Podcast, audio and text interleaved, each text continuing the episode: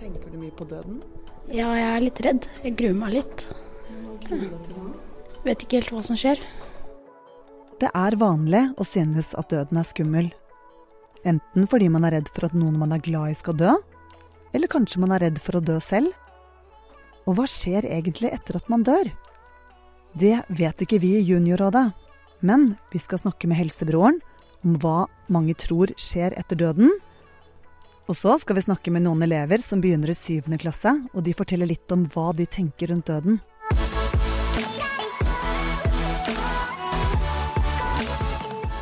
Farmor, hun døde fordi hun fikk eh, hjertestopp, eller ja, noe sånt. Hva, hvordan var det? for deg? Um, jeg gikk i første klasse, um, så jeg husker egentlig ikke så mye. Men jeg husker eh, mange minner, som når hun hadde bursdag og sånn. Var det mye begravelse og sånn? Eh, ja, det var jeg. Det jeg tenker mest på, er da foreldrene mine ser meg vokse opp, da ser jeg de også vokse opp. Så da jeg blir litt eldre, da ser jeg at de blir gamlere, og da er jeg redd for at de skal dø. Av og til når foreldrene mine er ute eller sånt og kommer sent hjem, så er jeg liksom redd for at det har skjedd noe. Og eh, da blir jeg ganske redd. Og moren min har hatt kreft før, så jeg er ganske redd for at hun skal få det igjen, men jeg tror ikke det, da, siden hun har operert eh, det vekk, det hun hadde. Eh, hvis eh, bare mormor og morfaren min eller eh, foreldrene mine, hvis jeg liksom ikke ser dem, eller hvis de bare bader og så ser jeg dem ikke lenger, så er det sånn har de drukna. og så blir jeg livredd, og så står de bare og prater med noen bak en busk. Men Ja, det skjedde, det skjedde meg i går.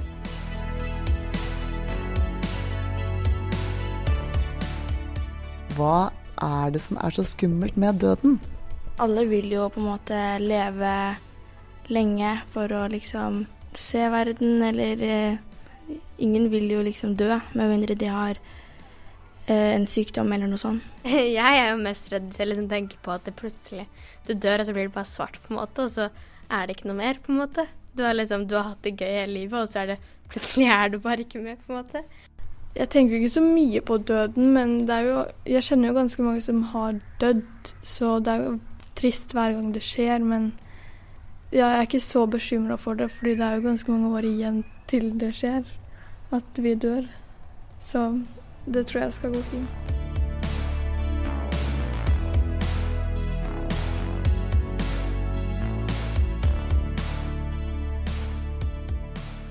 Da sitter jeg hjemme hos helsebroren, og vi skal snakke om døden. Hvorfor er døden skummel? Fordi han er ukjent. Fordi det er kun de som har dødd som kan si hva som skjer når vi dør.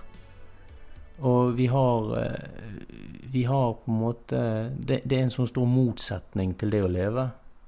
Det er, døden er jo den største garantien vi har i livet. Lever vi, så skal vi dø.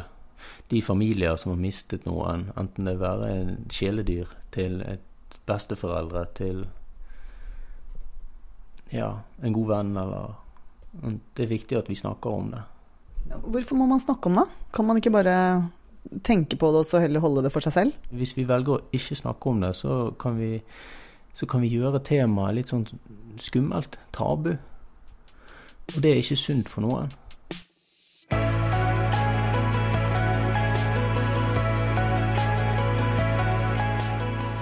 Vet jo ikke hva som skjer når vi dør. Noen tror vi kommer i himmelen, andre tror vi eh, kommer et annet sted, eller at vi bare slutter. Jeg tror jeg bare slutter. Jeg tror det alt blir bare mørkt, og så slutter hjernen å fungere, og så er jeg ja, det. Så jeg, det er ikke noe meg mer da. Nei, jeg blir borte, da. Fordi ja, hjernen min bruker jeg til å tenke, og den dør jo, liksom. Så da fungerer ikke jeg mer, da. Har du opplevd at det kan være vanskelig? Å tenke at liksom alt slutter? Nei, ikke sånn generelt egentlig, men øh, alle skal det. Det skjer en dag.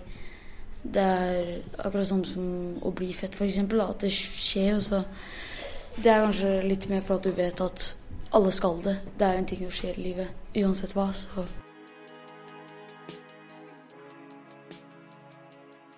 Mange tror at vi kommer til himmelen, at vi kommer til, kommer til paradis.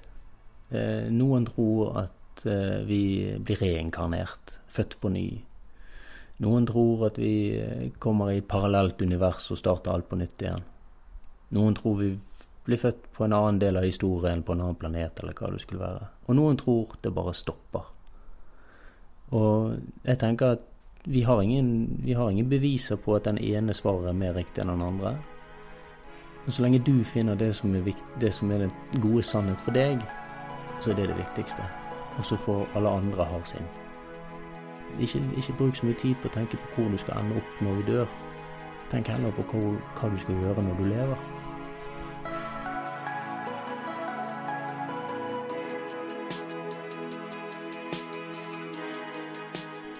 Noen ganger har jeg tenkt nå dør jeg.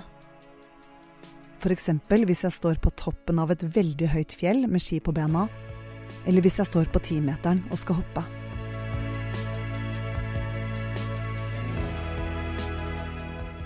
Har du også hatt den følelsen?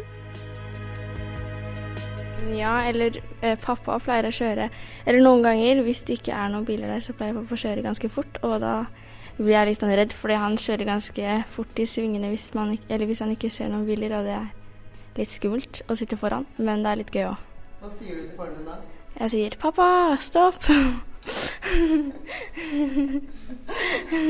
Eller jeg, jeg har alltid vært litt sånn redd for karuseller, og så noen ganger så må jeg tvinge meg til å ta den uh, med familien eller sånn når vi skal på Tusenfryd, og da blir jeg litt sånn redd rett før jeg skal gå på. Hvilken er det da? Speedmonster, eller? Ja, Speedmonster.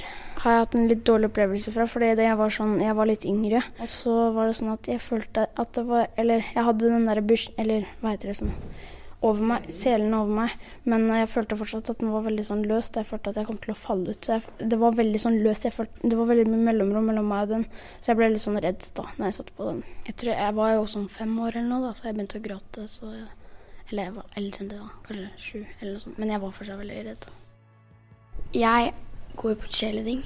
Og liksom jeg vet at jeg ikke dør av det, men jeg føler at når jeg blir kasta opp i lufta, så tenker jeg sånn derre OK, hvis jeg ikke kjører fullt ut nå, så kan jeg skade meg skikkelig.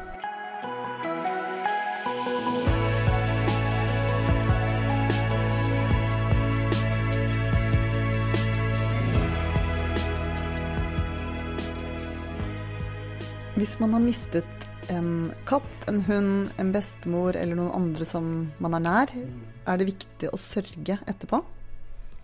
I det behovet du føler at du har, så ja. Det er ingen, det er ingen riktig måte å sørge på. Hvis man har en venn som har mistet noen, hva kan man gjøre som venn for den personen? Være der. Du, trenger, du, ikke, du har ikke svaret på alle spørsmål, du har gjerne ikke løsningen på problemet. Men det de fleste trenger når de gjennomgår noe sånt, det er bare trygghet i at de ikke er aleine. Inviter de med på å leke, spille fotball, basket, gaming, gå på tur, hva det skulle være. Bade. La de være en del av livet, selv om livet til noen andre har sluttet. Hvis de bare sier nei og ikke vil være med, skal man fortsette å spørre? Ja, det syns jeg man skal. Men man må også få lov til å Det der at man må ikke presse noen inn til å sørge på en måte som du føler er riktig. Jeg er egentlig ganske redd for at du liksom blir begravet, og så er du egentlig ikke det, og så våkner du liksom i kista under jorda. og så får du ikke puste lenger, liksom, og så dør du da. Selv om du egentlig var våken. Ta med telefonen din. Ja. Jeg vet ikke, jeg tror ikke du har dekket jorda. Det, det, det, tviler jeg på. Eller glader. Nei. Hvorfor det? Og det er det vi tenker på. Mobil. jeg kan like godt ta med PlayStation og TV-en og hele greia samtidig. Det får plass inni kista. ja. Da får du ha en stor Ja. Jeg tenker noen ganger bare sånn Det er nå jeg lever, så jeg må bare leve livet, egentlig. Og så Når jeg dør, så dør jeg, men jeg trenger ikke å bekymre meg for uh, det. Eller jeg håper at jeg ikke dør når, eller så tidlig, i hvert fall. Så jeg tenker at jeg kan tenke på andre ting mens jeg fortsatt er ung. Og så kan jeg begynne å bekymre meg mer for det når jeg blir eldre. Jeg pleier Eller hvis jeg føler sånn skrekk og sånn, så føler jeg Eller så sier jeg alltid til meg selv at jeg ikke skal se tilbake på ting som jeg angrer på, men heller som på en måte jeg var glad for at jeg har gjort, da. Sånn at den siste, eller siste tiden blir bra.